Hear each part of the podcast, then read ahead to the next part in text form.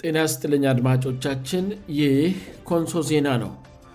አሁን ሳምንታዊውን የዕለተ አርብ አንኳር ዜናዎች የምናቀርብበት ጊዜ ላይ ደርሰናል ዜናውን የማቀርብላችሁ የቬሎናታይነኝ አብራችን ነ ሳምንታዊ ኮንሶን የሚመለከቱ አጫጭር ዜናዎች አሁን አጫጭር ኮንሶነ ሳምንታዊ ዜናዎችን በማስቀደም የዕለተ አርብ ግንቦት 11 ቀን 2015 ዓም አንኳር ዜናዎችን አሰማለው ስዊ ሶሊዳሪ ንሽን የኮንሶ ልማት ማህበር አጋር የሆነው የስዩስ ሶሊዳሪቲ ፋዴሽን የሥራ አመራር አካላት ከኮንሶ ልማት ማህበር ጋር በጋራ የሚያካሄዷቸውን ፕሮጀክቶች መጎብኘታቸው የተገለጸው በዚህ ሳምንት ነበር የኮንሶ ልማት ማህበር በማህበራዊ ትክስር ገጹ የስዊስ ሶሊዳሪቲ ፋንዴሽን እና የስዊስ ርች ኤድ የሥራ ኃላፊዎች ወደ ኮንሶ ዞን መምጣታቸውን አንዳንድ ፕሮጀክቶችን መጎብኘታቸውን እና ከልማት ማህበሩ የሥራ ኃላፊዎች ጋር ስለ ቀጣይ ሥራዎች መወያየታቸው አስታውቋል ድርጅቱ ከኮንሶ ልማት ማኅበር ጋር በመተባበር በኮንሶ ዞን የተለያዩ አካባቢዎች 16 የውሃ ተቋማትን በማድደስና በማጎልበት ላይ እንደሚገኝ ደግሞም ዝቅተኛ የኑሮ ደረጃ ላይ ያሉ አርሶ አደሮችንም ሕይወት ለማሻሻል ለ200 ገደማ ባወራዎች የገንዘብ ድጋፍ ማድረጉም ተገልጿል ልማት ማኅበር ከሰፍ ችልድን የበጎ አድራጎድ ድርጅት ጋር በመተባበር በተለያዩ ትምህርት ቤቶች የአልሚ ምግብ ምገባ ሮግራም መጀመሩም የሚታወቅ ሲሆን ሰሞኑን የሴቭዘ ችልድረን ድርጅት ባለሙያም ወደ ኮንሶ በመምጣት የጋራ ስራው ያለበትን ደረጃ መጎብኘታቸው ታውቋል የኮንሶ ዞን አስተዳድር ጽፈት ቤት የኮንሶ ዞን አስተዳደር ጽፈት ቤት በጎፋ ዞን uባ ደብረ ፀሐይ ወረዳ በተከሰተው ጎርፍ ለተጎዱ ወገኖች ድጋፍ ማድረጉ የተገለጸው በዚሁ ሳምንት ነበር ድጋፉም 1 ሚሊዮን ብር የሚገመት የህልድ ዱቀት ዘይትና አልባሳት መሆኑ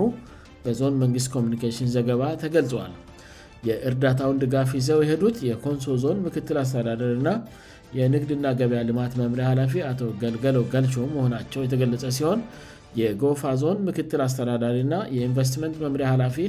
አቶ አብርሃም ዞራ መረከባቸው ተገልጿል ዝርዝሩም 40 ኮንታል የስንደት ዱቄት 150 ልትር ዘይትና 35 ኩንታል አልባሳት ናቸው ተብሏል ከአራት ኮንስትራክሽንና ኢንዳስትሪል ኮጅ ከአራት ኮንስትራክሽንና ኢንዱስትሪያል ኮሌጅ በድንጋይ ንጣፍ ሙያ ያሰለጠናቸውን 83 ሰልጣኞች ማስመረቁም የተገለጸው በዚሁ ሳምንት ነበር ሰልጣኞቹ የጌጠኛ ድንጋይ ንጣፍ ሥራውን የሰለጠኑት ለሁለት ተከታታይ ሳምንታት መሆኑ የዞን መንግስት ኮሚኒኬሽን ገልጿል በምድረቃ ሥነስርዓቱ ወቅት ኮሌጁ በውል ባልተገለጡ ልዩ ልዩ ችግሮች ምክንያት የሰልጣኝ ተማሪዎች ቁጥር ከጊዜ ወደ ጊዜ እየቀነሰ መምጣቱንና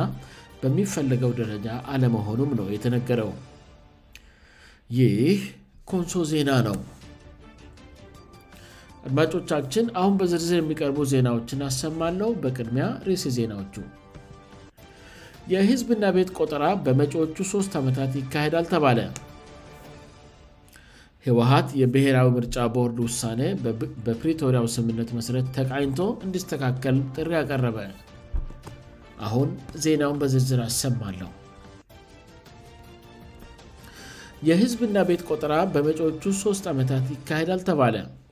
የህዝብና ቤት ቆጠራ እንዲሁም የግብርና መረጃ ቆጠራ በመጪዎቹ ሶስት ዓመታት ውስጥ እንደሚካሄድ የፕላንና ልማት ሚኒስቴር አስታወቀ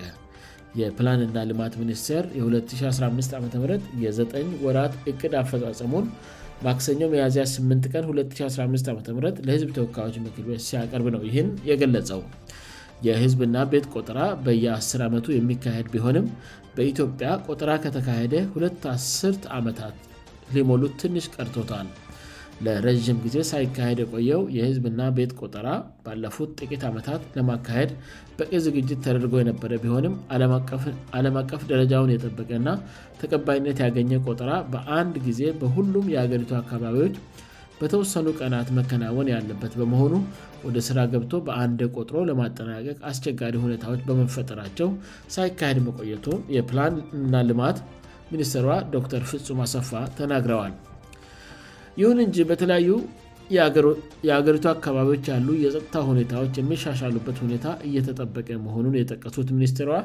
በመጪዎቹ ዓመታት ከ2016 እስ 2018 ዓም ባለው ጊዜ የመንግስት ኢንቨስትመንት እቅድ ውስጥ ቆጠራው ትልቅ ትኩረት ተሰጥቶት ይከናወናል ብለዋል በሶስት ዓመቱ የመንግስት የኢንቨስትመንት እቅድ ውስጥ የኢትዮጵያ ስታትሴክስ ልማት ፕሮግራም የተቀረጸ በመሆኑ በመጪዎቹ ሶስት ዓመታት የህዝብና ቤት ቆጠራም ጨምሮ በርካታ ሌሎች ያልተከናወኑ ቆጠራዎች እንደሚካሄዱም አብራርተዋል በተመሳሳይ ዜና በመንግስት አፈ በመንግስት አስፈፃሚው በኩል ጥቅም ላይ ይውላሉ ተብለው ወደ አገር ቤት የገቡ ነገር ግን የመጠቀሚያ ጊዜያቸው ያለፈባቸውእና በጤና በግብርና እንዲሁም በማየድን ተቋማት የተከለከሉ ኬሚካሎች በተለያዩ ቦታዎች ተቀማቸው እንደሚገኙ ሚኒስትሯ አስረድተዋል ይሁን እንጂ ኬሚካሎቹን ለማስወገድ በሀገር ውስጥ መሠረተ ልማት ባለመኖሩ ወደ አውሮፓ ከፍተኛ ገንዘብ በመክፈል ተልከው እንደሚወገዱ የማድረግ እቅድ ተይዞን የነበረ ቢሆንም ኬሚካሎቹን ጭኖ ወደ አውሮፓ ሀገሮች ልኮ ለማስወቀድ የሚያስፈልገው ገንዘብና ወደ አውሮፓ የሚጓዘው መርከብ በሚያልፍባቸው ሀገሮች ሁሉ ፈቃድ መጠየቅ አስፈላጊ ነው ብለዋል በመሆኑም ይህን ችግር በዘለቀታዊ መፍትሄ በሀገር ውስጥ ማከናወን ስለሚያስፈልግ በ2016 ዓም የአካባቢ ጥበቃ ባለሥልጣን የበጀት እቅድ ውስጥ በማካተት አደገኛ ከሚካሎችን ማስወገድ የሚቻልበት ቦታ ማዘጋጀት አስፈላጊውን መሠረተ ልማት ለመገንባት ጥናት ማስጨመር የሚያስችል ስራ ተካትቶ ቀርቧል ሲሉ አስረድተዋል ይህ ኮንሶ ዜና ነው ህውሀት የብሔራዊ ምርጫ ቦርድ ውሳኔ በፕሪቶሪያው ስምምነት መሠረት ተቃኝቶ እንዲስተካከል ጥያቄ ያቀረበ የኢትዮጵያ ብሔራዊ ምርጫ ቦርድ ግንቦት አራት ቀን 2015 ዓም ስለ ህወሀት የሰጠው ውሳኔ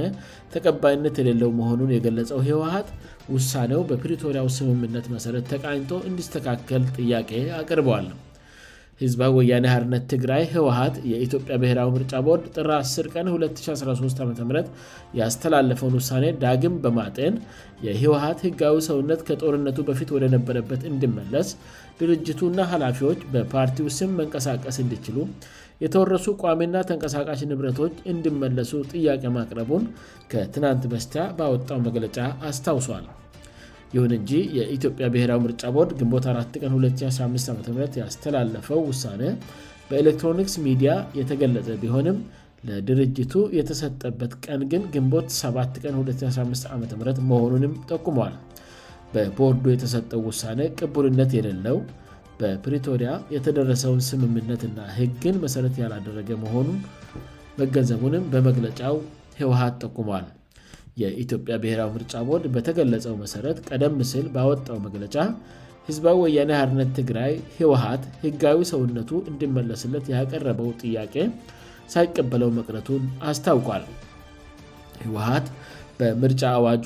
11 62 ዝባር 2011ስ98ኒ1 ሬ ላይ የተደነገገውን ህግ በመተላለፍ ኃይልን መሠረት ባደረገ የአመፃ ተግባር ላይ ተሰማርቷል በሚል በቦርዱ መሰረዙ ይታወሳል የዚህ ውሳኔው ውጤትንም አስመልክቶ በአዋጅ 11 62ዝር 2011 አንቀስ99 ኒስ ቀስ 1 ላይ ፓርቲው ከተሰረዘበት ቀን ጀምሮ መንቀሳቀስ እንደማይችል የፓርቲውም ኃላፊዎች በፓርቲው ስም ምንም አይነት እንቅስቃሴ ማድረግ እንደማይችሉ መወሰኑ ይታወሳል ሕወሀት ወቅታዊ ሁኔታዎችን በመጥቀስ ቦርዱ ውሳኔውን ሰርዞ ህጋዊ ሰውነቱን እንዲመልስለት ለምርጫ ቦርድ ጥያቄ ቢያቀርብም ቦርዱ ጥያቄውን ለመቀበል የሚያስችል የሕግ መሠረት እንደሌለ በመጥቀስ ሳይቀበለው ቀርቷል በወቅቱም ቦርዱ ባወጣው መግለጫ ምንም እንኳን በፓርቲው ደብዳቤ እንደተገለጸው ለቦርዱ ውሳኔ ምክንያት የሆነው ኃይልን መሠረት ያደረገው የዓመፃ ተግባር አሁን ባይኖርም እንደገና ህጋዊ ሰውነቱን ለፓርቲው ለመመለስ የሚያስችሉ ድንጋጌዎች በአዋጅ 11-62 ዝ2011 ተደንግጎ አይገኝም ስለዚህ ቦወርዱ የቀረበውን የህጋዊ ሰውነት ጥያቄ የማስመለስ ጉዳይን በህግ የተደገፈ ሆኖ በለማግኘቱ አልተቀበለውም ብሏል በመሆኑም ፓርቲው ህጋዊ ሰውነት አግኝቶ ለመንቀሳቀስ የሚችለው በአዋጅ 11 62 ዝባር 2011 አንቀጽ 66 እና ተከታዮቹ ድንጋዴዎች መሠረት በድጋሚ የምዝገባ ጥያቄ ሲያቀርብና ቦርዱ ህጉን መሠረት አድርጎ ሲፈቅድ መሆኑን በተጨማሪ ወስኗል በመጨረሻም የፓርቲው አመራሮችና ንብረትን በተመለከተ የቀረበው ጥያቄ ቦርዱ ፓርቲው ላይ የሰጠው የሰረዛ ውሳኔ ውጤቶች በመሆናቸው እንደ አዲስ የሚጠየቁ ናቸናአለመሆናቸውን በመጥቀስ ውድቅ አድርጎታል ይሁንና ህወሀት በመግለጫው የፕሪቶሪያው ስምምነት በመሠረታዊነት ማይከል ያደረገው ሰላም ሰብዊ መብት ዲሞክራሲ ተጠያቂነትና ወደ ህገ መንግስታዊ ስርዓት መመለስ ነው ከስምምነቱ መፈረም ጀምሮም ህውሀትና የኢፈድሪ መንግስት በጋራና በተናጠል የገቡበትን ግዴታና የስምምነቱ ዓላማዎች እየፈጸሙ ይገኛሉ ለዚህም አበረታች የሚባል ውጤትና ለቀጣይ ስራዎች ምቹ ፖለቲካዊ ሁኔታ እየተፈጠረ በመምጣቱ ስምምነቱ አለም አቀፋቢና አገራዊ እውቅና ተሰጥቶታል የአፍሪካ ህብረት ኢጋድ የተባበሩት መንግስታት የአውሮፓ ህብረት የተለያዩ አገራት መንግስታት እውቅናና ድጋፋቸውን ሰጥተውታል በሌላ በኩል የፈደራሉ መንግስት ህግ አውጭ አካል የሆነው የህዝብ ተወካዮች ምክር ቤት የሚኒስትሮች ምክር ቤት የኢፈርድ ጠቅላይ አቃበ ህግ የክልል መንግስትና የከተማ አስተዳደሮች ለስምምነቱ እውቅናና ድጋፍ የሰጡ ህገ መንግስታዊ አካላት ናቸው ብሏል በቦርዱ የተላለፈውን ውሳኔ ግን የፕሪቶሪያውም የሰላም ስምምነት የማይቀበል እየተጠናከረ በመህድ ላይ ያለውን የሰላም ስምምነት ትግበራ ባለቤት አልባ የሚያደርግ ከጦርነቱ ወደ ሰላማዊ ፖለቲካዊ ትግል ለሚገቡ ኃይሎች መደግ መደገፍና ማበረታታት ሲገባ ድርጅቶችን በማፍረስ ቀጣይ ሰላም እንዳይረጋገጥ የሚያደርግ መሆኑ ለህዝቦቻችን የማይመች ና ለሌሎችም ኃይሎችም ተስፋ የማይሰጥ ነው ብሎ ህወሀት እንደሚያምን አስታውቋል በአጠቃላይ ህወሀት ውሳኔውን እንደማይቀበልእና ከሚመለከታቸው አካላት ጋር እንደሚወይበት ምርጫ ቦርድ ውሳኔውን እንደገና በማየት የፕሪቶሪያ ስምምነትና ሌሎች የፈደራል ተቋማት ያስተላለፉትን ውሳኔዎች መነሻ በማድረግ እንዲያስተካክል ይጠይቃል ብለል የፕሪቶሪያ ስምምነት እንዲሳካ ከፍተኛ አስተዋጽኦ የነበራችሁ የዓለም አቀፍ ማኅበረሰብ በአጠቃላይ የአፍሪካ ህብረት በተለይ ሂደቱን የሚያደናቅፍና አደጋ ውስጥ የሚከት የብሔራዊ ምርጫ ቦወርድ ውሳኔ በፕሪቶሪያ ስምምነት መስረት ተቃኝቶ እንዲስተካከል የድርሻችን እንድትወጡ እንጠይቃለን ስልም ህወሀት ለዓለም አቀፍ ተቋማት ጭምር ጥሪ አቅርበል ይህ ኮንሶ ዜና ነው አድማጮቻችን የዛሬውን የዕለተ አርብ ግንቦት 11 ቀን 2015 ዓም ሳምንታዊ አንኳር ዜናዎችን ከማብቃቴ በፊት የዋና ዋና ዜናዎቹን አርስት በድጋሚ አሰማለሁ የህዝብና ቤት ቆጠራ በመጪዎቹ 3ስት ዓመታት ይካሄዳል ተባለ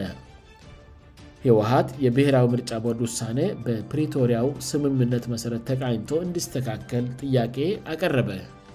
ዜናው በዚያ አበቃ አድማጮቻችን ሳምንታዊ የዕለተ አርብ አንኳር ዜናዎቻችን ይህን ይመስሉ ነበር ስላዳመጣችሁን እናመሰግናለን ኮንሶ ዜና በቀጣይ አርብ በተመሳሳይ ዝግጅት እንደሚጠብቁ ተስፋ ያደርጋል እስከዚያው በደና ቆዩን